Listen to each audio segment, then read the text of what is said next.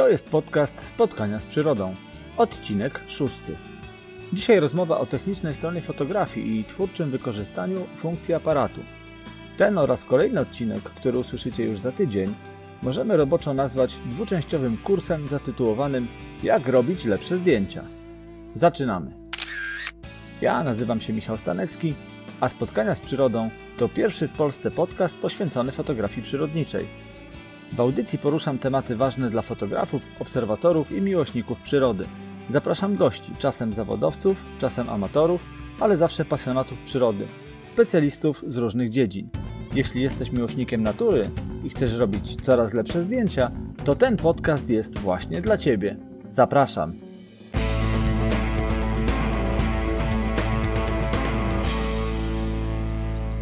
Cześć! Witam Was i zapraszam do wysłuchania szóstego odcinka podcastu, w którym z fotografem Piotrem Nadolskim rozmawiam o technicznych podstawach fotografii.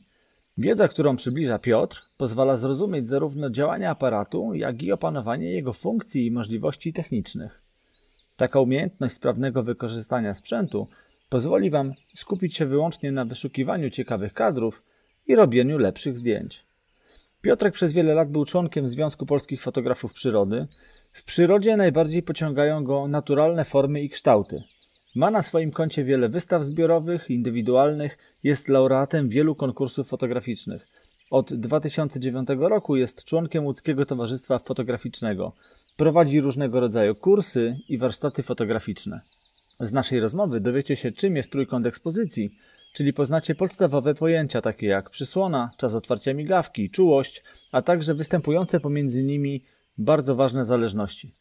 Poznacie poszczególne tryby pracy aparatu i dowiecie się, jak w twórczy sposób można z nich korzystać.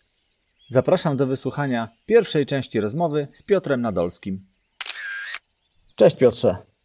No cześć. Dziękuję, że przyjąłeś zaproszenie do mojego podcastu. Powiedz słuchaczom, czym się zajmujesz? Jeżeli chodzi o fotografię, to obecnie tak naprawdę uprawiam taki dziwny gatunek fotografii, fotografię spacerową, czyli już rzadko kiedy wybieram się w plener typowo na zdjęcia. Na ogół po prostu są to wycieczki z rodziną, czyli połączenie czasu dla rodziny i przyjemność fotografowania. Poza tym fotografuję jeszcze akty kobiece i portrety kobiece. W tej chwili realizuję taki pomysł zdjęć muzyków muzyki poważnej. Są to muzycy głównie y, z Łódzkiej Filharmonii i Teatru Muzycznego. I jeżeli chodzi o fotografię, to tyle, tak? No, plus oczywiście warsztaty i jakieś szkolenia z fotografii. Ale jak ci się gdzieś nawinie jeszcze wpadnie w oko jakaś ciekawa faktura, mówię o naturze tutaj jeszcze, o, ty, o, ty, o tych y, przyrodniczych treściach, to rozumiem, że też jak najbardziej nadal. No oczywiście, słuchaj, to jest wszystko robione w trakcie spacerów. Łapie się w te definicje, jasne, jasne. Tak, ale, tak. Ale tutaj... wtedy, kiedy no powiedzmy trochę mocniej oddawałeś się tej fotografii przyrodniczej, to wiem też, że to nie byłeś w tej grupie fotografów, którzy gdzieś tam uganiali się za, za zwierzakami. U ciebie zawsze nie. dominowała forma, prawda, tego typu y, rzeczy. Tak, to znaczy dla mnie to było kwestia tego, że ja potrzebowałem trochę przestrzeni i wolności, a fotografia była tylko pretekstem, żeby się wyrwać tak, do tej przestrzeni. Przy fotografowaniu ptaków, y, innych zwierząt trzeba sobie narzucić reżim, którego ja nie chciałem bo ptaki, no to trzeba się ukryć, być o odpowiedniej porze i tak dalej. Tak? Samogra taka... Samograniczenia tak naprawdę. Dokładnie tak, to jest kwestia. Natomiast dla mnie fotografia to jest kwestia wolności, jakiegoś takiej wypowiedzi wolności w ogóle zachowania. Słuchaj Piotr, z czym do Ciebie przychodzę? Otóż temat jest niełatwy, a zadanie nawet można powiedzieć będzie podwójnie trudne. Bowiem chciałbym porozmawiać z Tobą o istocie fotografii, o tym, czym tak naprawdę fotografia jest i o takich no, żelaznych podstawach, bez których tak naprawdę no, nie ma co brać do ręki aparatu. Albo można brać ten aparat do ręki, ustawić sobie na zielony prostokącik i tak naprawdę pozwolić, żeby od strony technicznej ta maszynka robiła wszystko za nas. Natomiast dlaczego zadanie jest trudne? No po pierwsze to szeroko pojęte zrozumienie fotografii, to, to, to jest coś, czego czasami uczymy się przez wiele, wiele lat albo i całe życie. A druga sprawa, chciałbym, żebyś ze mną o tym porozmawiał, nie mając możliwości pokazywania pewnych rzeczy, czy ilustrowania pewnych rzeczy na żywo w trakcie rozmowy. Po naszej rozmowie, gdy będę publikować ten odcinek na stronie bloga, zamieszczę tam kilka fotografii, do których e, będziemy się odnosić w trakcie rozmowy, czy które właśnie będą takimi ilustracjami. Natomiast no, na pewno nie jest to ułatwienie, że na żywo nie będzie można pewnych rzeczy pokazać. Mhm. Tak, to znaczy rozumiem, że jeżeli chodzi, mówisz o istocie fotografii, to mówimy o tej stronie technicznej, tak?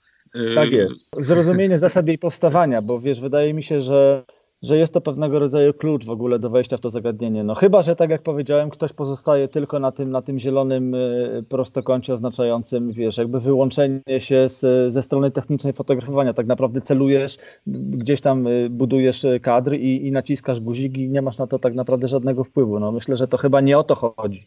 Znaczy, wiesz co, ja bym aż tak nie podchodził do tego, bo wszystko zależy od tego, co kto lubi.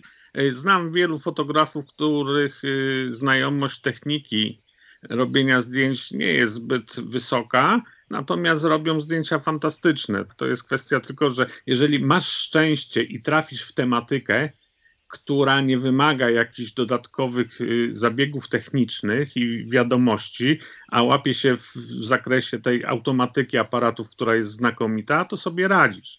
Problem zaczyna się wtedy, kiedy nagle zmienisz aparat lub zmienisz temat. I okazuje się, że brak tej wiedzy powoduje, że wszystko zaczynasz od nowa. Tak, wiesz, ja też nie jestem e, wrogiem tutaj wspomagania się pewnymi rozwiązaniami technicznymi, które, które właśnie dzisiaj aparaty oferują, ale dobrze by było przynajmniej mieć jakąś świadomość tego, o co w tym chodzi, na czym to polega i wtedy świadomie podejmować pewne decyzje, kiedy się wspieramy bardziej automatyką, a kiedy coś wybieramy jednak z premedytacją. Pewnie do tego dojdziemy, jak to tam programy tematyczne, inne historie. W każdym razie na tym pokrętle aparatu zwykle mamy tych ikonek kilka. No i wiesz, żeby nie zostały one takimi e, enigmatycznymi literkami, to warto by było o tym porozmawiać, bo to jest właśnie ten elementarz fotografa tak naprawdę, czyli jakby z, poprzez zrozumienie istoty fotografii, że to fizyka, optyka, światło, trudne mhm. rzeczy, głębokie sprawy, no ale potem gdzieś to trzeba przełożyć na konkretne ustawienie jednego, drugiego pokrętła i do rzeczy, nie? No tak, dzisiaj skupilibyśmy się na sprawach czysto mm, praktycznych. Ta teoria niech będzie taka pobieżna, tylko tyle, ile będzie wymagała zrozumienia. Żeby powstała fotografia, musimy dostarczyć odpowiednią ilość światła dla naszej matrycy. Fotografujemy, żeby y, powstał obraz na naszej matrycy, y, musi, muszą być spełnione odpowiednie warunki, czyli musi matryca dostać odpowiednią ilość energii. Tą odpowiednią ilość energii aparat reguluje przez przysłonę, czas otwarcia migawki oraz czułość. I to jest, mm, pewnie wiele osób słyszało ten trójkąt ekspozycji. Jest to wbrew pozorom dosyć prosta rzecz, natomiast potem w praktyce okazuje się, że generuje ona tyle różnych zależności, że trzeba ją opanować naprawdę bardzo dobrze, żeby się w tym wszystkim nie pogubić. Wiesz, myślę, że to opanowanie takich podstaw obsługi aparatu, jeśli tak to mogę ująć, to jest też e, szalenie istotne właśnie w kontekście fotografowania przyrody, bo fotograf przyrodnik bardzo często staje gdzieś w oko w oko z sytuacjami bardzo dynamicznymi i tam e, no, nie zawsze dostajemy czas e, od naszych modeli, czyli powiedzmy jakiegoś ptaka, który być może gdzieś tam na ułamek sekundy nam się pokazał tak, jakbyśmy chcieli go sfotografować, i wtedy po prostu nie ma czasu na sięganie do instrukcji e, aparatu, tylko trzeba po prostu wiedzieć, co chcemy zrobić i, i tyle, nie? Także to, to, to jest o tyle istotne z punktu widzenia pewnej swobody, potem już patrzenia na świat, że nie skupiamy się na, na dłubaniu w aparacie, tylko obserwujemy, dostrzegamy, wyławiamy gdzieś te kadry, które nas interesują. Dlatego jest to tak, e, tak istotne, żeby ten aparat po prostu nie był dla nas zagadką, tylko żeby był takim przedłużeniem ręki oka.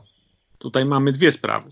Y, biegłe posługiwanie się własnym aparatem oraz jakby znajomość zasad technicznych fotografii i umiejętność połączenia obydwu, czyli żeby wiedzieć, jak wykorzystać sprzęt, który posiadamy do uzyskania określonego celu. Natomiast tak musimy się z nim na tyle zaprzyjaźnić, żeby on w pewnym momencie y, te rzeczy stały się dla nas przezroczyste. Jest takie powiedzenie: amator martwi się o sprzęt, zawodowiec o pieniądze, artysta o światło. I tak naprawdę chodzi głównie o to, że my zaczniemy robić dobre zdjęcia w momencie, w, te, w, tym momencie, kiedy ten sprzęt staje się dla nas przezroczysty. My o nim przestajemy myśleć. Dlatego, że myślenie o sprawach sprzętowych wybija nas z rytmu i wtedy ciężko, tak jak mówisz, tu ptaki ci uciekną, ale to jest kwestia też koncepcji samego zdjęcia. Jeżeli rozproszymy się, bo musimy spojrzeć na ten aparat, zaczynają nam te pomysły ulatywać z głowy. To jest trochę jak z jazdą samochodem jak zaczynasz jeździć samochodem, to się cały czas zastanawiasz, tak? Kiedy zmienić bieg, kiedy wrzucić kierunkowskaz, a czy tutaj będzie dobrze, a czy nie i ta jazda jest szarpana. Płynnie zaczynasz jeździć, kiedy się w ogóle przestajesz nad tym zastanawiać, kiedy te rzeczy stają się w pełni automatyczne. No dobrze, no to co spróbujmy zmierzyć się z tym trójkątem ekspozycji. Okej. Okay. E, Piotr, moimi słuchaczami przynajmniej no taki, takie było założenie y, i, i, i powstanie tego podcastu. Chodzi o to, żeby ludzie, którzy gdzieś stawiają pierwsze kroki, mieli po prostu ciut łatwiej. Więc y, moi słuchacze z pierwszych odcinków dowiedzieli się generalnie o takim szeroko pojętym podejściu do fotografii e, przyrodniczej, z czym to się wiąże właśnie z tymi spacerami fotograficznymi, czy dla bardziej zaawansowanych już jakimś czatowaniem, chowaniem, jak możemy no, bardziej czy mniej sztucznie podzielić sobie fotografię przyrodniczą na krajobrazy, ptaki, ssaki, płazy itd., tak itd. Tak no i teraz przychodzi ten czas na to, żeby wziąć aparat do ręki i po prostu pójść i zacząć robić zdjęcia. Stąd też y, dzisiaj ta niełatwa tematyka, ale no taki krok, którego nie możemy pominąć. Mocny start. Trójkąt okay. ekspozycji. Co to za, za, za magiczna sprawa? Magiczna sprawa. Zacznijmy od tego, co to jest ekspozycja. Ekspozycja to jest jakby ten element, który odpowiada nam za tym, czy nasze zdjęcie jest jasne, ciemne, czy w ogóle coś tam widać, czy to jest biała plama, czy całkiem czarna. I żeby regulować tą ekspozycję, to tak jak mówiłem, mamy trzy elementy, natomiast y, nie istnieje, bo y, bardzo często na początku swojej drogi ludzie y, oczekują takich odpowiedzi, tak nie bardzo prostych. Oczekują, że na przykład na kursach im powiem, co to jest poprawna ekspozycja. Natomiast jest to pojęcie na tyle szerokie i płynne, że tu nie ma jednoznacznej odpowiedzi. Tak jak mówię, wysłałem Ci dwa zdjęcia, na których się będziemy opierać. To są zdjęcia zatoki, w której stoją jachty. Jedno i drugie zdjęcie można określić, że jest poprawna ekspozycja, chociaż one tonalnie są zupełnie inne. Pierwsze jest zrobione y, w trybie pełnej automatyki z pomiarem matrycowym, Drugie już jest właśnie z wykorzystaniem umiejętności i znajomości swojego aparatu, czyli aparat został przełączony na pomiar punktowy y, światła, została wykorzystana preselekcja przysłony. I Czyli od, od, razu wchodzę w słowo, przepraszam, ale pojawia się tutaj pojęcie pomiaru światła. Tak. No też kolejna niełatwa sprawa. Nie wiem, czy teraz, czy za chwilę, ale y, pamiętajmy. Okej, okay, dobrze. Myślę, że od tego zaczniemy pomiar światła. Chociaż nie, może zróbmy tak, że omówmy te elementy, te trzy elementy i wrócimy wtedy do pomiaru światła, do, czyli do światłomierza Dobrze. i do elementu, który będzie sterował tymi trzema rzeczami. Czyli pierwsza rzecz to jest czas naświetlania. No, żeby powstał obraz, musi się na tej na matrycy pojawiać odpowiednia ilość energii. Tą ilość energii w postaci światła odbitego od sceny, którą fotografujemy, regulować możemy przez odpowiedni długi czas, czyli nastawiamy czas migawki i przez pewien odpowiedni czas to światło dociera do naszej matrycy i ono tam zostawia swój ślad. Drugim elementem jest to przysłona. Przysłona jest to hmm, taki stwór w obiektywie, gdzie możemy regulować średnicę, czyli im większa średnica, tym łatwiej to światło będzie nam wpadać do tej y, matrycy i dzięki temu czas możemy skracać. Czyli im większy otwór, tym krótszy czas. Znowu posłużę się analogią, to jest chyba bardzo często wykorzystywana analogia w postaci kranu i napełniania wiaderka. Jeżeli sobie wymyślimy, że nasze wiaderko to jest piksel na matrycy, który musi uzyskać odpowiednią ilość energii. No to co, im mocniej odkręcimy kran, tym szybciej napełnimy wiaderko. I Przez tu jest to dziurę. samo. Tak Kran. jest. Duża dziura, szybko ładujemy. No i jest jeszcze trzeci element, trochę bardziej abstrakcyjny, czyli czułość. Czułość to jest to jest coś takiego jakby zło konieczne. Czyli podnosząc czułość, niestety tracimy na jakości, natomiast uzyskujemy możliwość w ogóle zrobienia zdjęć przy odpowiednich parametrach. To jest trochę tak jak dolewanie wody do whisky. No, mamy więcej napoju, tylko im więcej tej wody dolewamy, tym smak coraz gorszy. I w fotografii jest dokładnie to samo. Mamy trzy elementy, zawsze któryś będzie dla nas nadrzędnym, ale pozostałe dwa będziemy musieli poświęcać, żeby uzyskać określony wy, Coś wynik. dzieje się tak? kosztem czegoś. Tak, tak jak w życiu, nie ma nic za darmo. Żeby uzyskać coś, musimy poświęcić coś innego. Ten trójkąt ekspozycji, tak jak mówię, no teraz strasznie trudno mi jest, bo nie ukrywam, że te tematy, kiedy omawiam, to mam całą walizkę sprzętu i kilka prezentacji, żeby to pokazać, natomiast teraz nie mamy tak praktycznie nic. Zależności są bardzo proste, to znaczy o zależności, jak już mówiłem, im większa czułość, tym znowu możemy używać krótszego czasu lub mniejszego otworu przysłony. Każdy z tych elementów wpływa też na jakość naszych zdjęć. To znaczy, jeżeli chodzi o przysłonę, od przysłony zależy głębia ostrości, czyli ten obszar, który na zdjęciu będziemy mieli ostry. I głębia ostrości w fotografii jest bardzo ważna, bo jest to element bardzo specyficzny i wykorzystywany głównie w fotografii. Jeżeli będziemy oglądać obrazy, malarstwo, tam praktycznie korzystamy oczywiście z perspektywy, natomiast y, pojęcia głębi ostrości w malarstwie raczej nie spotkamy. Żeby tak przełożyć bardziej na taki obrazowy i praktyczny y, język, y, to może dodam, że taki efekt regulowania sobie tej głębi ostrości pozwala nam na przykład pokazać w pełni ostrego ptaka, ale już zarośla, które są za tym ptakiem, będą rozmyte, stanowiąc atrakcyjniejsze tło dla ptaka jako obiektu. To tylko taki jeden prosty przykład, ale to między innymi, e, no o to tu chodzi i na tym to polega. I teraz świadomie wpływamy na to, jaka to przestrzeń będzie ostra. Czy ona będzie bardzo wąziutka, czy też będzie gdzieś głęboko, głęboko, jak przy zdjęciach krajobrazowych, potrzebna będzie po prostu większa ta przestrzeń. Dokładnie tak, to znaczy przykładem też może być to zdjęcie, które Ci wysłałem z pajęczyną, czyli mamy zestawienie bardzo drobnego elementu i kruchego w postaci pajęczyny rozwieszonego wśród gałęzi. Gdybyśmy mieli głębię ostrości tam dosyć dużą, to ta pajęczyna po prostu zginęłaby i nie byłoby jej widać. Natomiast zastosowanie bardzo małej głębi ostrości spowodowało, że wszystkie gałęzie są nieostre, a dzięki temu pajęczyna na ich tle staje się dosyć wyraźna. Czyli zarówno to, co jest przed pajęczyną, jak i to, co jest za pajęczyną, przestaje być istotne. Dodaje nam tylko y, tła, z którego wyłuskujemy nasz obiekt. Gdybyśmy fotografowali krajobraz, pewnie zależałoby nam na zupełnie innym efekcie, czyli odwrotnym mieć, mieć wszystko ostre, tę głębię ostrości jak największą. Czyli musielibyśmy przymknąć tą przysłonę, ale tak jak pamiętamy, przymknięcie przysłony implikuje to, że albo musimy podnieść czułość, albo wydłużyć czas. Bo zasada jest taka, że nie możemy zmienić tylko jednego elementu, jeżeli nie chcemy zmieniać ekspozycji.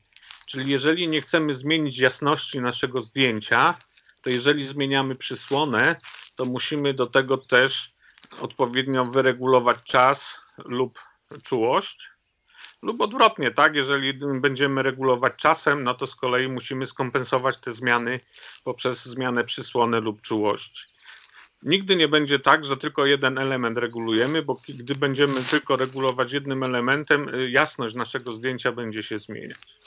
No i tutaj od razu na początkujących fotografów pada strach, no bo myślą sobie, to zaraz, zaraz, to ja od razu muszę się nauczyć y, regulować to w ten sposób, żeby ogarnąć, mówiąc kolokwialnie, trzy czynniki i znaleźć optymalne połączenie w zależności tego celu, jaki chcemy uzyskać. No, przyznasz, rzecz niełatwa. Tak, dlatego producenci aparatów wymyślili tryby automatyczne i półautomatyczne. Otóż to, otóż to do, tego, do tego zmierzam. Czy to jest ten moment, w którym już możemy przejść do, do tych trybów? Zanim przejdziemy do tych trybów, to chciałbym nawiązać, że y, zmiany w tej chwili w technice powodują też zmiany y, sposobu pracy. I nie wiem, czy wiesz, zawsze y, większość osób uważało, że praca w trybie manualnym to już jest domena profesjonalistów. W trybie manualnym, czyli zmieniamy wszystko ręcznie. Natomiast obecnie, kiedy spopularyzowały się aparaty bezlusterkowe, które w wizjerze masz od razu podgląd tej ekspozycji przed zrobieniem zdjęcia. Na żywo, tak jest. E, to znam wiele osób, które zaczynają swoją przygodę w fotografię e, i nie zaczynają od trybów automatycznych, a właśnie od trybu ręcznego, bo zaobserwowały, że kręcąc jednym kółkiem, ten obraz im się rozjaśnia lub przyciemnia tak jak chcą. Fakt, że potem powstają zdjęcia nieostre lub właśnie ze złą głębią ostrości, bo jeszcze nie wiedzą, nie znają tych wszystkich zasad. Natomiast pierwsza obserwacja jest taka, kręcę kółkiem, widzę zmiany. I dlatego zaczynają w trybie manualnym pracować. Ja jestem przeciwnikiem z kolei pracowania w trybie manualnym. Oczywiście są sytuacje, kiedy jest to tryb e, niezbędny, bo przy fotografii studyjnej czy na koncertach bardzo często używam y, trybu manualnego, natomiast myślę, że w terenie, gdzie mamy dynamiczne, dynamicznie zmieniające się warunki, tryb manualny jest zbyt powolny i powoduje, że możemy nie nadążyć za pewnymi zmianami natężenia światła. I dlatego najlepiej korzystać z tych trybów półautomatycznych lub automatycznych. Widziałem ostatnio reklamę koszulki t-shirtu, na którym było właśnie pokrętło aparatu z tymi literkami odpowiadającymi poszczególnym trybom i było napisane, że wszyscy jesteśmy fotografami, dopóki nie przestawimy na M, czyli manual. Mm -hmm. no. Myślę tak, myślę, że każdy musi sobie znaleźć swoją drogę i tutaj nie ma jednoznacznej odpowiedzi, że to jest lepsze, czy tam to jest gorsze. Myślę, że tutaj w naszej rozmowie możemy pokazać, mm, ja przynajmniej spróbuję się opowiedzieć o swoim sposobie pracy, gdzie nie, dla każdego będzie on idealny, tak? Może się okazać, że mój sposób pracy wielu osobom nie będzie pasował, bo to jest kwestia no nie wiem, upodobań, kwestia właśnie tematów zdjęć i tak dalej. No dobrze, to zacznijmy może od tych literek. Jak popatrzymy na to kółko, to mamy tam na pewno P, jak program. Jest to takie ustawienie aparatu, gdzie aparat dobiera sam automatycznie wartość przysłony oraz wartość czasu naświetlania. Przy czym y, niewiele osób wie, że te lepsze aparaty, myślę, że chyba każdy, mają przy tym programie P tak zwany offset, czyli możliwość przesunięcia, czyli kręcąc którymś z kółek sterujących, możemy zmienić przysłonę, a aparat automatycznie zmieni czas. Natomiast problem z tym programem mm, typu P jest taki, że nigdy nie wiemy, od jakich wartości nasz aparat zacznie. Może być to przysłona typu 5 i 6 i czas 1 setna, lub może być to przysłona 8 i czas 1 60. Więc może się okazać, że to pierwsze ustawienie nam nie będzie odpowiadało i będziemy musieli właśnie pokręcić tym kółkiem, żeby zmienić tę tą parę. Następnym ustawieniem to jest bodajże A, czyli preselekcja przysłony. Jest to ustawienie, z którym ja w 90% przypadków pracuję. Czyli ustawiam sobie wartość przysłony, jaką, na której mi zależy, i aparat dobiera automatycznie czas. Przy czym celowo pomijam cały czas jeszcze aspekt tej czułości, bo chciałbym to jest element wiążący jakby wszystko, więc myślę, że po krótkim omówieniu tych wszystkich trybów automatycznych y, do tego wrócę i wytłumaczę o co chodzi y, z czułością. Czyli mamy program preselekcji przysłony, czyli tak jak mówię, ustawiamy sobie ręcznie wartość przysłony i aparat już wie, że przysłona jest nie do ruszenia. Ja mogę wszystkim regulować, żeby ta ekspozycja według mnie była poprawna, natomiast przysłona nie będzie ruszana, czyli na ogół aparat będzie nam wydłużał lub skracał czas. Czyli pracując w tym trybie, chcesz uzyskać konkretną pożądaną głębię ostrości. Oczywiście. I no, do tego jest. Dodaję tylko dla, dla rozjaśnienia sytuacji. I do tego ten y, program został wymyślony i tak jest opisywany w instrukcjach obsługi aparatu. Następnym trybem półautomatycznym jest preselekcja czasu. Czyli to jest kwestia odwrotna. My ustalamy sobie czas naświetlania, aparat dobiera nam wartość przysłony, czyli przymyka lub otwiera e, obiektyw, by uzyskać odpowiednią ilość światła. Czyli co, programu tego używamy wtedy, kiedy zależy nam na tym, żeby zdjęcia były na przykład nieporuszone, bo fotografujemy ptaka w locie, albo chcemy mieć na przykład e, zdjęcie bardzo popularne w kalendarzach, czyli wodospad i rozmyta woda. Mhm. Wtedy też możemy korzystać z preselekcji czasu, bo ustalamy sobie odpowiedni czas i przysłona jest dobierana automatycznie. Tak? Czyli, czyli trzymając się tej mojej uproszczonej terminologii, tak jak w przypadku przysłony mieliśmy bezpośredni wpływ na głębię ostrości mniejszą, większą, tak, ustawiając sobie priorytet czasu, decydujemy o tym, w jaki sposób pokażemy ruch. Czy nasz obiekt będzie zamrożony, no nieruchomy, czy będzie widać jakąś dynamikę, jakieś lekkie rozmycie, poruszenie. W każdym razie będzie oddawał, że jest w ruchu. Tak jest. I teraz co z tą czułością?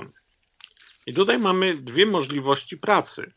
Y, albo ustawiamy sobie czułość na zadanym poziomie, akceptowalnym dla nas, bo tak jak mówiłem, podnoszenie czułości niesie ze sobą pogorszenie jakości.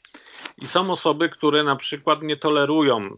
Y, to pogorszenie jakości objawia się tym, że zdjęcia są, zaczynają y, y, przekłamywać kolory, te kolory stają się coraz bardziej wyblakłe oraz pojawia się takie ziarno bardzo nieprzyjemne na zdjęciach. I tak jak mówię, fotografia jest sprawą indywidualną i dla niektórych ta czułość powiedzmy 400 ISO będzie akceptowalna, czy nawet 1600, natomiast pojawią się osoby, które mówią, że raczej 400 mm, ISO nigdy nie przekraczają.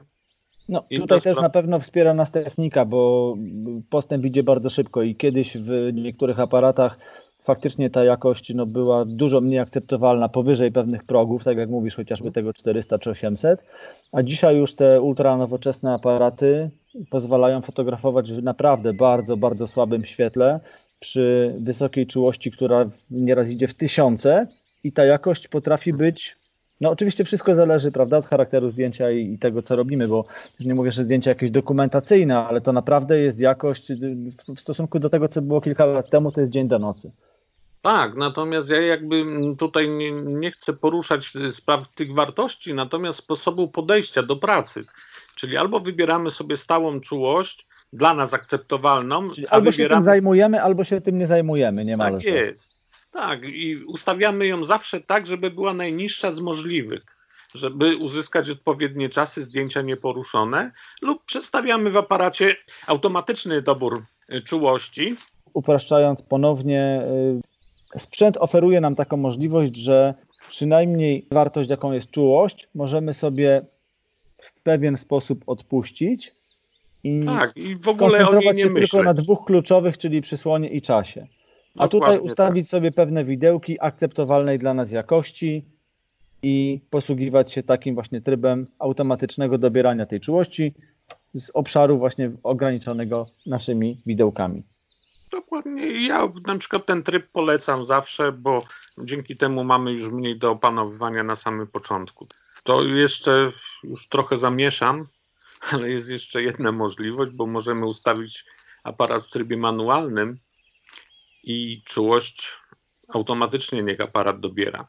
I wtedy mamy taki program, o którym nigdzie na żadnej gałce nie znajdziemy tego. Natomiast jest to bardzo często stosowane, może mniej w fotografii przyrodniczej, a bardziej w reportażowej, kiedy my ustawimy sobie długość czasu przy którym wiemy, że nasze zdjęcia wychodzą ostre i zadaną przysłonę, a aparat się martwi o to, żeby zdjęcia były dobrze naświetlane, regulując czułość.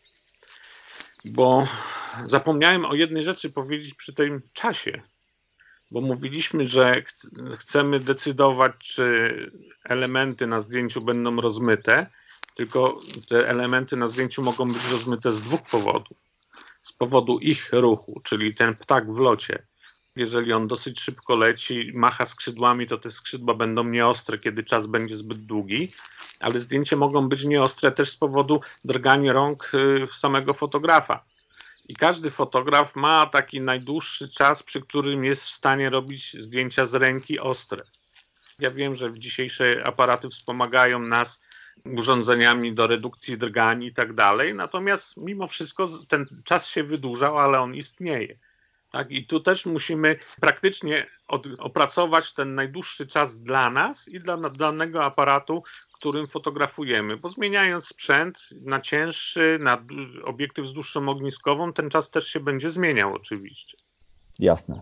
Czyli to poruszenie może być zamierzone albo niezamierzone.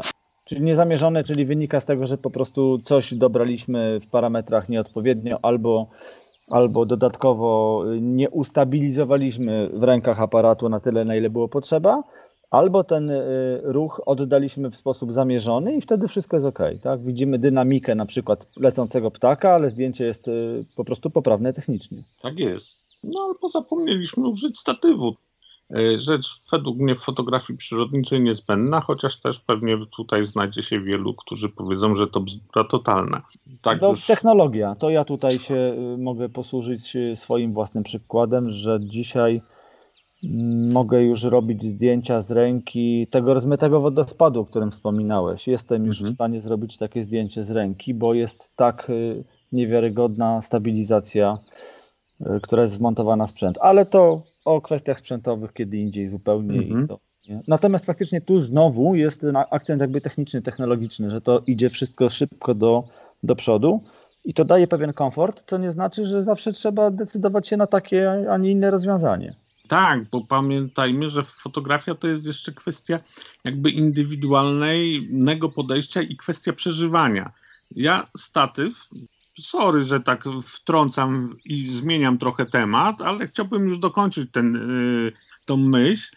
Traktuję jako tak zwany spowalniacz, bo nasza audycja jest skierowana do początkujących fotografów i wielu początkujących fotografów popełnia ten błąd, że robią zbyt szybko zdjęcia oni się nie zastanawiają nad tym dokładnie, co chcą sfotografować. Statyw daje czas do namysłu. I dla mnie to jest główna zaleta posiadania statywu. Faktycznie technologia daje nam możliwości, że moglibyśmy się bez niego obyć. Natomiast on powoduje to, że musimy się zatrzymać na moment i zastanowić. Okej, okay.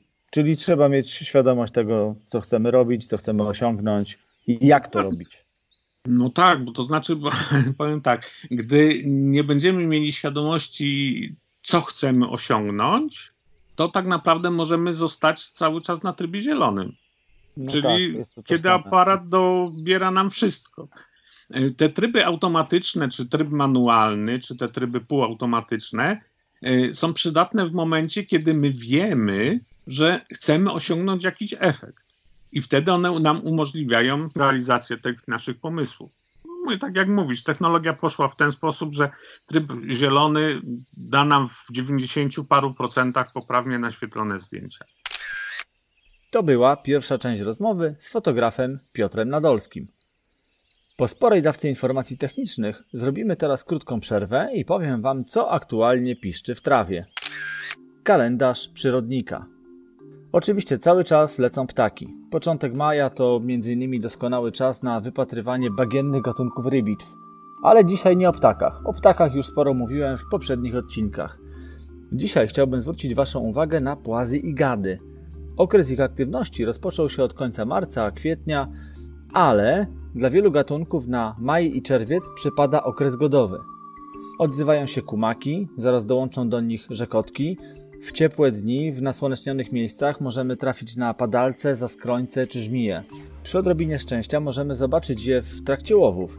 Zaskrońce polujące na żaby albo zwinki pożerające owady to tematy na całkiem niezłe sesje fotograficzne. Bądźcie zatem czujni i patrzcie pod nogi. W maju dalej warto pochylać się nad kwiatami. Kolejnymi bardzo lubianymi przez fotografów gatunkami są chociażby niezapominajki i konwalie, które właśnie zaczynają kwitnąć. Wiele drzew ma już liście. Z jednej strony utrudnia to wypatrywanie ptaków, ale z drugiej znacznie ułatwia rozpoznawanie ich gatunków. Po strukturze i kolorach kory, a także po kształcie liści, można identyfikować gatunki drzew, zaczynając od tych najłatwiejszych. Takie poznawanie charakterystycznych cech gatunków może fajnie wzbogacić każdy fotograficzny spacer. W maju mamy już bardzo długie dni, co sprzyja znalezieniu czasu na przyrodnicze aktywności. Także przyrodnicy ruszajcie w teren. A teraz uwaga, ważny komunikat. Wiosna to czas, w którym możemy trafiać na młode ptaki poza gniazdami. Należy oprzeć się pokusie ich ratowania. Nie należy zabierać ich do domu. Takimi ptakami nadal opiekują się ich rodzice, nadal je karmią. Próba odchowania takiego ptaka w domu jest bardzo trudna i może być niebezpieczna dla jego zdrowia, a nawet życia. Jeśli wy przyrodnicy o tym wszystkim wiecie, to mówcie o tym innym. Ważne, żeby nie zabierać pisklaków i podlotów do domów. Ok. Po krótkiej przerwie wracamy do rozmowy z Piotrkiem. Ponownie wchodzimy w techniczne aspekty użytkowania aparatu. Zapraszam do słuchania. Chciałem zapytać o jeszcze jedną rzecz, jak jesteśmy przy tych trybach e, fotografowania, bo kręcąc kółeczkiem, już tam kawałek tego kółeczka widzieliśmy, obróciliśmy już o te 3-4 różne e, tryby. Niektóre aparaty mają też takie, no jakby to powiedzieć, puste miejsca, w które możemy zapisać swoje własne ustawienia. Czy mhm. to jest rzecz, z której warto korzystać? Znaczy, oczywiście do tych, do tych ustawień e, jakichś startowych na pewne okoliczności fotografowania przez przyrodnika trzeba też dojść, ale jak już mamy jakieś tam podstawowe rozeznanie w tych kwestiach technicznych, to czy ty byś polecał jakby zagłębienie się w temat tych dodatkowych trybów? Nie każdy aparat, tak jak mówię, to ma, ale, ale niektóre aparaty faktycznie oferują takie możliwości. Na przykład trzy takie tryby własne, gdzie możemy sobie zdefiniować jakby ten startowy, startowe ustawienie parametrów, o których wcześniej mówiliśmy. Tak, to znaczy na pewno tam y, możemy zapisać dużo więcej, to znaczy nie tylko tryb pracy aparatu, ale także właśnie sposób y, doboru czułości, czy ma być automatyczny, czy ręczny, tryb pracy autofokusa, plus jeszcze pewnie wiele, wiele innych, y, jak ma wyświetlacz funkcjonować, co nam ma się pokazywać i tak dalej. Jest to rzecz według mnie bardzo przydatna. Ja z tego korzystam non-stop, dlatego że tych elementów drobnych, zwłaszcza jeżeli się posiada aparat trochę z wyższej półki, czy bardziej zaawansowany, jest bardzo dużo i w pewnym momencie, kiedy idziemy i jesteśmy w ferworze walki, czyli zaaferowani tym, co widzimy i robimy szybko zdjęcia, możemy zapomnieć, że przed chwilą jak któryś z parametrów pozmienialiśmy. Natomiast kiedy się przyzwyczaimy, że w banku pierwszym, drugim, trzecim mamy takie i takie ustawienia, nie ma tego problemu, bo przełączamy się między bankami i zmieniana jest od razu pula różnych ustawień pod konkretne tematy fotograficzne. Zaoszczędza nam to dużo czas oraz niweluje y, możliwość pomyłki. No tak, powiem Ci, że u mnie się to sprawdza właśnie w typowej fotografii przyrodniczej, chociażby w rozróżnieniu sytuacji fotografowania obrazów statycznych i dynamicznych, czyli jedno z tych ustawień jest zdefiniowane w taki sposób, jak miałbym fotografować jakiś nieruchomy obiekt i tylko na tym się skupiam. Przestawiam o jeden ruch kółka na drugi z tych trybów y, definiowanych, czy banków, jak mówisz, y, ustawień i tam mam już y, aparat skonfigurowany pod kątem zdjęć dynamicznych, czyli na przykład, nie wiem, biegnącego zwierzęcia, ptaka w locie i tak dalej. Oczywiście po zmianie tego trybu jeszcze mogę wykonywać jakieś tam drobne korekty, jeżeli mam na to ułamek sekundy, ale to już nie jest takie radykalne przestawianie dużej grupy ustawień. Tak, plus jeszcze to, że te drobne zmiany, nie wiem jak w Twoim aparacie, w moim się nie zapisują. Czyli ja wracając do banku pierwszego. Wrócisz do zapisanego, powrotem, zdefiniowanego, tak jest. Tak, y, tak. Wracam do czystego tego zdefiniowanego, tak? Czyli tak te jest. wszystkie moje drobne zmiany przy danej sesji giną. I dzięki temu, idąc na następną sesję, wiem, że mam wszystko dobrze ustawione. Ten sam punkt wyjścia.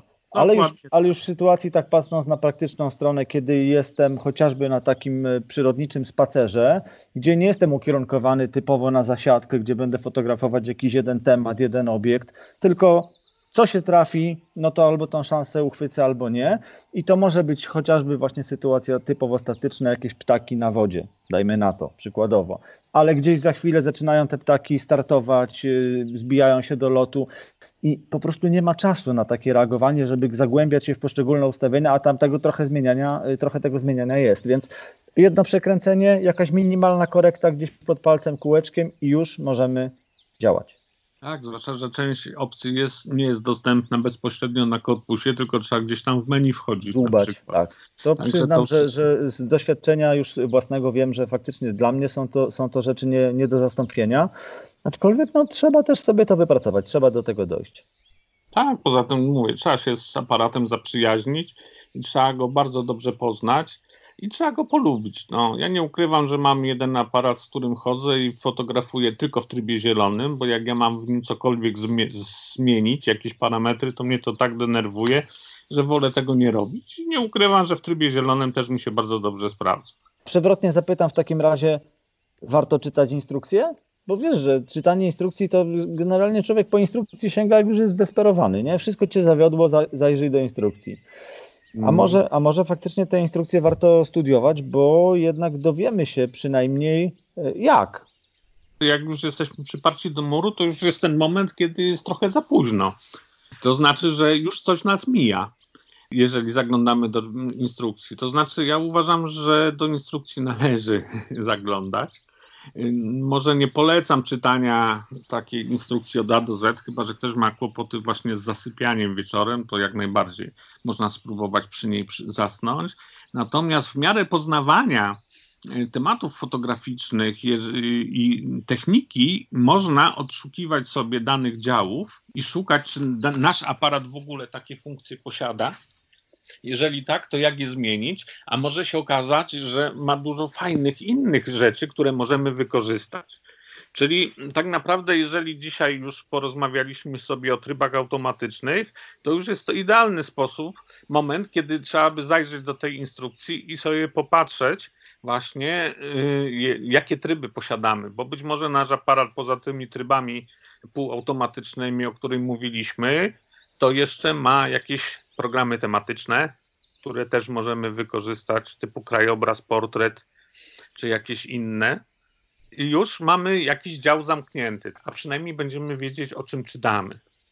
Kiedy będziemy mówić o sobie o pomiarze światła, bo dzisiaj jeszcze musimy do tego tematu na moment chociaż wrócić, to też trzeba by odnaleźć sobie dział w instrukcji obsługi, jakie tryby pomiaru światła mamy, jak je przestawić, Dlatego, że wybierając się na zdjęcia i chcąc korzystać z tych y, wiadomości, musimy wiedzieć, jak już ten nasz aparat przestawić. Nie ma nic gorszego, jak już na samych zdjęciach człowiek się zastanawia, och, gdzie to się przestawia, albo coś. Nie mówiąc o tym, że bardzo często się zdarza, że przez przypadek coś przestawimy i nie wiemy, co się dzieje. Zdjęcia nam nie wychodzą. Panika. Takie odlatują, a my stoimy i nie wiemy nic.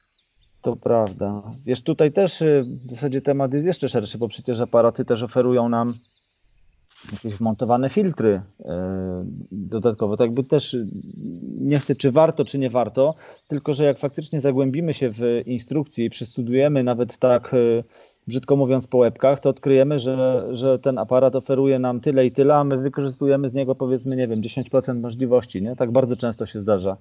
No tak, i mało tego, czasami odkryjemy funkcje, o których istnieniu nawet nie wiedzieliśmy, że takie rzeczy są. Chociażby ja niedawno odkryłem w Olympusach bardzo fajną rzecz, zwłaszcza wykorzystywaną przy fotografii na bardzo długich czasach. I szczerze mówiąc, poza Olympusem chyba w żadnym innym aparacie tego nie spotkałem. Dlatego, że można w menu ustawić czas podglądu na wyświetlaczu w trakcie naświetlania naszego zdjęcia. Czyli jeżeli ustawimy sobie naświetlanie na 30 sekund w nocy, robimy jakieś nocne zdjęcia, to możemy pokazać, powiedzieć: Słuchaj, ja chcę, żebyś mi co 5 sekund pokazywał, na jakim etapie naświetlenia już jesteśmy. I w tym momencie, kiedy dojdziemy do jakiegoś, że stwierdzimy, że już jest ok, możemy przerwać to nasze naświetlanie. Jest to bardzo fajna funkcja którą odkryłem przez przypadek, bo któryś z kursantów właśnie nie wiedział, jak coś zmienić, więc musiałem czytać instrukcję obsługi. Otóż to. No dobrze, w takim razie cóż, wróćmy jeszcze na chwilę do pomiaru światła, bo to też jest mhm. taka rzecz e, szalenie istotna, z której wynikają potem te inne zależności. Jakbyś tu mógł jeszcze w kilku słowach przybliżyć nam no właśnie, bo mówiliśmy o tym, że aparat sobie steruje wszystkim, czyli my możemy mu podać wstępne parametry, czyli przysłonę, a on dobierze nam czas, natomiast nie powiedzieliśmy tak naprawdę skąd on to wie. Tak naprawdę to tym wszystkim steruje i zawiaduje światłomierz i automatyka. Światłomierz jest to nic innego jak miernik, który mierzy natężenie światła odbitego, czyli światło wpadające do nas przez obiektyw trafia na czujnik i jest zmierzona tego wartość tego światła i aparat na tej podstawie dobiera inne parametry. Natomiast bardzo ważną rzeczą jest świadomość, jak działa światłomierz. I tutaj dla słuchaczy niektórych proponuję zrobić próbę w domu. Wziąć sobie białą kartkę i czarną. Ja oczywiście powiem, jaki efekt będzie. Natomiast myślę, że samemu wykonanie takiego ćwiczenia też może przynieść jakieś korzyści ustawić aparat w pełną, na pełnej automatyce i zrobić zdjęcia tych białej kartki i czarnej, ale tak, żeby one w pełni, w 100% wypełniały kadr. I zobaczycie, że uzyskacie efekt nie do rozróżnienia. W pierwszej chwili wydawałoby się, no jak fotografuję białą kartkę, powinienem mieć białą kartkę, fotografuję czarną kartkę, powinienem mieć czarną kartkę. A tak naprawdę na zdjęciu będziemy mieli dwie kartki szare. No bo aparat przecież nie wie, kiedy my fotografujemy, co fotografujemy, gdzie, tak? Czy my jesteśmy w kopalni, czy my jesteśmy nad morzem, więc skąd miałby wiedzieć, jak y, ustawić te parametry? W związku z tym to jest zrobione tak, że światłomierz aparatu traktuje wszystko jako szarość, czyli tak dobiera parametry, żeby zdjęcie było jednolicie szare, czyli takie ze średnio, średniotonalne. I tutaj po to właśnie dałem też te dwa zdjęcia mm, tej zatoki z jachtami, bo pierwsze zdjęcie jest właśnie zrobione na automatyce, tak jak światłomierz to widzi. Yy, czyli ono jest takie właśnie trochę mdłe, trochę szare. Natomiast drugie zdjęcie jest zrobione w tym samym czasie, w odstępie kilku minut. Yy, mówię, ja zmieniłem tryb pomiaru światła, natomiast ten sam efekt można uzyskać wprowadzając korektę ekspozycji. O tym też nie mówiliśmy. Ja myślę, że też chyba by trzeba chociaż ze dwa, trzy słowa na ten temat wtrącić. Natomiast no, dokończmy sprawę światłomierza. Czyli tak jak mówię, jeżeli chcemy mieć zdjęcia ciemne, musimy coś zrobić. I efekt y, możemy zastosować dwie metody. Właśnie tą korektę ekspozycji. To jest taki dodatkowe pokrętło, czasami dodatkowy przycisk i pokrętło w aparacie, a na pewno wiele z Was widziało taką drabinkę, gdzie jest zero na środku i po lewej i po prawej stronie mamy minus i plus. Nie powiem po której stronie, bo o ile dobrze wiem, niektórzy producenci niekoniecznie z tej samej strony to mają wszystko. I to mówi nam, jak daleko nasza ekspozycja odbiega od tej, którą wybrał dla nas światłomierz my możemy powiedzieć, że my chcemy, żeby nasz aparat zdjęcia przyciemniał, dając korekcję ekspozycji na minus, lub rozjaśniał, dając korekcję ekspozycji na plus. Ja tu zawsze taki podaję w tym momencie taki bardzo banalny przykład, ale jeżeli nasz aparat traktuje wszystko jako szarość i wejdziemy do kompalni węgla i spróbujemy sfotografować czarnych górników w, w tej kopalni, to co okaże się, że nasze zdjęcia będą szare. W związku z tym musimy wprowadzić korektę ekspozycji na minus, żeby te zdjęcia były faktycznie oddawały tą czerń na zdjęciu. Śnieżne szczyty, kiedy y, przewaga tego śniegu będzie duża, też jeżeli nie damy korekty ekspozycji na plus, tak naprawdę ten śnieg będzie szary na naszych zdjęciach. Więc jeżeli będziemy mieli świadomość, że nasz mm, światłomierz stara się wszystko uśrednić, będziemy mogli korzystać z tej korekcji ekspozycji. W większości aparatów mamy podstawowe dwa tryby, znaczy tych trybów jest więcej, natomiast taki najczęściej używany to jest pomiar matrycowy, czyli myślę, że w 90 kilku procentach zdjęć wykorzystywany, czyli w tym momencie aparat jakby mierzy sobie natężenie światła na całym kadrze ma wbudowaną jakąś tam inteligencję i na podstawie tego pomiaru y, dokonuje odpowiednich obliczeń. Natomiast jest jeszcze tryb punktowy. W bardzo wielu aparatach on jest sprzęgnięty z punktem ustawienia ostrości. I aparat nie mierzy sobie natężenia światła z całego kadru, tylko w tym jednym malutkim punkcie. W związku z tym dużo łatwiej jest nam operować nawet tą korektą, korekcją ekspozycji, kiedy wiemy, że nasz pomiar jest brany tylko z jednego małego punktu. Weźmy, no nie wiem, łabędzia białego. Y, jeżeli ustawimy pomiar ekspozycji właśnie na łabędziu i będzie to pomiar punktowy, zrobimy zdjęcie, wyjdzie nam szary. Natomiast wiedząc już o tym, jak działa światłomierz, na dzień dobry możemy dać korekcję ekspozycji, powiedzmy plus jedną działkę przysłony i wtedy mamy pewność, że ten łabędź na naszym zdjęciu będzie biały.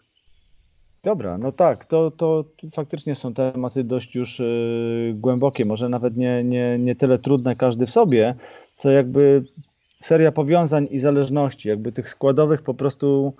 No tak, no, tak jak mówiliśmy na początku, tak. niby jest trójkąt ekspozycji, tylko trzy elementy, natomiast jakby one wszystkie zaczynają się łączyć. Stąd ten problem jest, ja zawsze mówię, że zaczynacie się uczyć z teorii fotografii, zaczniecie robić coraz gorsze zdjęcia, bo okazuje się, że do opanowania jest tyle materiału, że kiedy idziemy na zdjęcie i zaczniemy o tym wszystkim myśleć, więcej czasu myślimy na temat techniki niż, na temat robienia samych zdjęć. I początki przez to są właśnie bardzo trudne.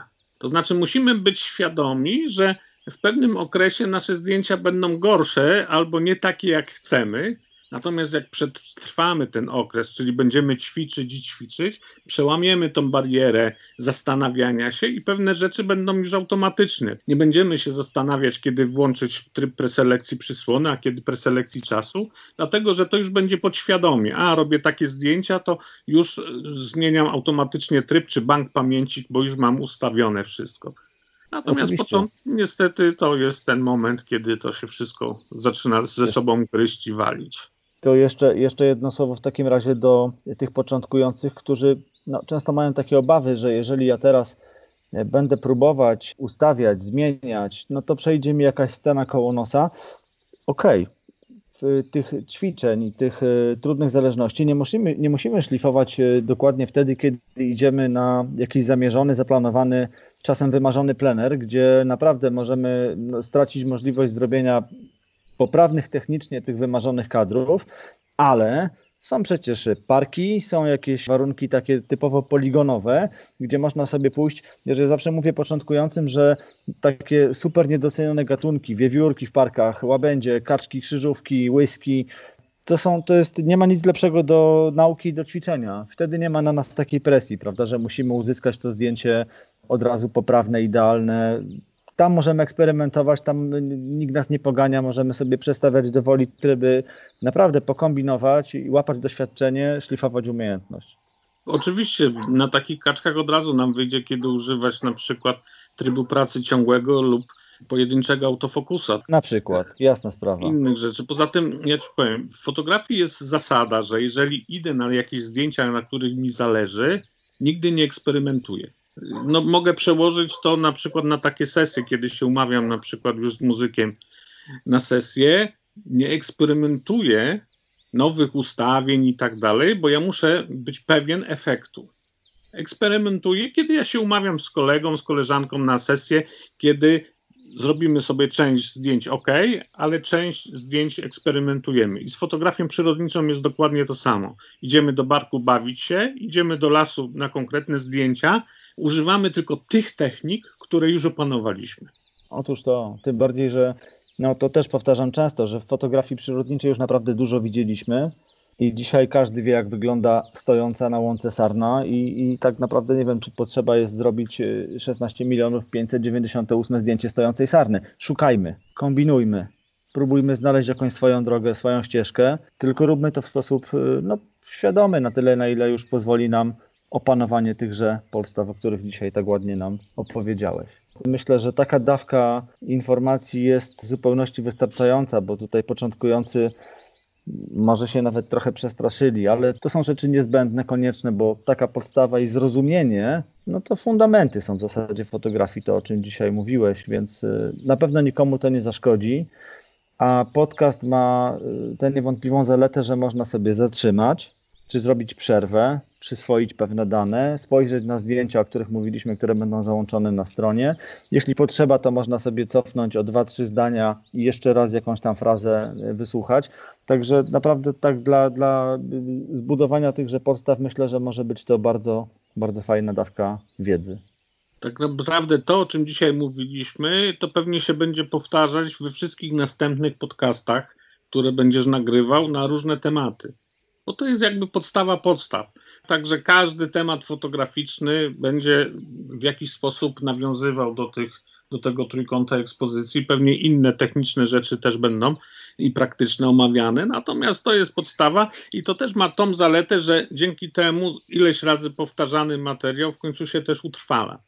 Oczywiście. I, I, te hasła, konkretne pojęcia przestają być też tak zagadkowe, bo mhm. okazuje się, że jak się gdzieś tam paluszkiem trzy razy coś naciśnie w aparacie, przejdzie, pstryknie, zobaczy w praktyce jak to działa, no to wcale nie jest to takie straszne. Jak przyjdzie zrozumienie, to potem już będzie tylko z górki. Tak jest. Bardzo dziękuję. Też to dziękuję. Myślę, myślę, że sprostałeś zadaniu, stawiałem Ci jakby te dwa trudne cele. Po pierwsze bez pokazywania na żywo to absolutnie nie, nie, było problemem. No i druga sprawa też e, powiedzieć w tak skrótowej formie, bo tu może się wydawać, że te tam 45-50 parę minut e, to jest dużo, to jest nic, to jest zaledwie muśnięcie bardzo rozległej i trudnej e, tematyki. Tak jak mówiłem, nieraz uczymy się tego, tego latami, często, często jest tak, że i tam 30 lat można fotografować, a jeszcze, jeszcze nie znajdziemy tego, czego szukamy. Raz jeszcze dziękuję. E, nie zamykam okay. furtki, jeśli pozwolisz. Być może będzie okazja jeszcze raz skorzystać z Twojej uprzejmości i w e, kolejnych tematach do Ciebie wrócić. Mm, okej, okay, zapraszam. Wysłuchaliście rozmowy z fotografem Piotrem Nadolskim. Kontynuacją tego mini kursu podstaw fotografii będzie rozmowa z kolejnym fotografem, którą słyszycie za tydzień. Będzie w niej o zasadach budowania najlepszych kadrów, dowiecie się jakie są tryby ustawiania ostrości i o co chodzi z perspektywą. W najbliższych dniach możecie poświęcić trochę czasu na rozpracowanie Waszych aparatów i zgłębienie poszczególnych zagadnień, o których dzisiaj rozmawialiśmy. Po wysłuchaniu kolejnego odcinka będziecie mieć już pełne podstawy do tego, żeby zacząć robić coraz lepsze zdjęcia. Rekomendacje. Dzisiaj chciałbym Wam polecić kursy fotograficzne, ale takie odbywające się w tradycyjnej, warsztatowej formie z udziałem prowadzącego. Na przykład takiego, jakim jest Piotr Nadolski. Piotrek prowadzi kursy m.in. w Łódzkim Domu Kultury. Pewnie w Waszych lokalizacjach też można takie znaleźć. Możecie zapytać, po co komu kurs, skoro w zasadzie dzisiaj wszystko jest w internecie. Są poradniki, są filmy na YouTubie. Okej, okay. tradycyjne kursy oferują jednak więcej. Macie na nich bezpośredni kontakt z prowadzącym, na bieżąco możecie zadawać pytania i uzyskiwać odpowiedzi. Możecie uczestniczyć w zajęciach praktycznych i weryfikować swoje umiejętności. Możecie poznać ludzi o podobnych zainteresowaniach, a także zaprezentować swoją twórczość bez narażania się na niewybredne komentarze w internecie. Dlatego warto. Ok, na dzisiaj to wszystko. Dostaliście solidną dawkę wiedzy. Teraz musicie ją wdrożyć, czyli teorię przełożyć na praktykę. Pamiętajcie, to jest podcast. W każdej chwili możecie zrobić sobie przerwę i wznowić słuchanie w dogodnym dla siebie czasie. Możecie też wrócić do pewnych kwestii i wysłuchać ich ponownie, aby lepiej zrozumieć poruszane zagadnienia. Zatem do dzieła. Pakujcie aparat, ruszajcie w teren. My usłyszymy się już za tydzień. Dziękuję za dziś i do usłyszenia.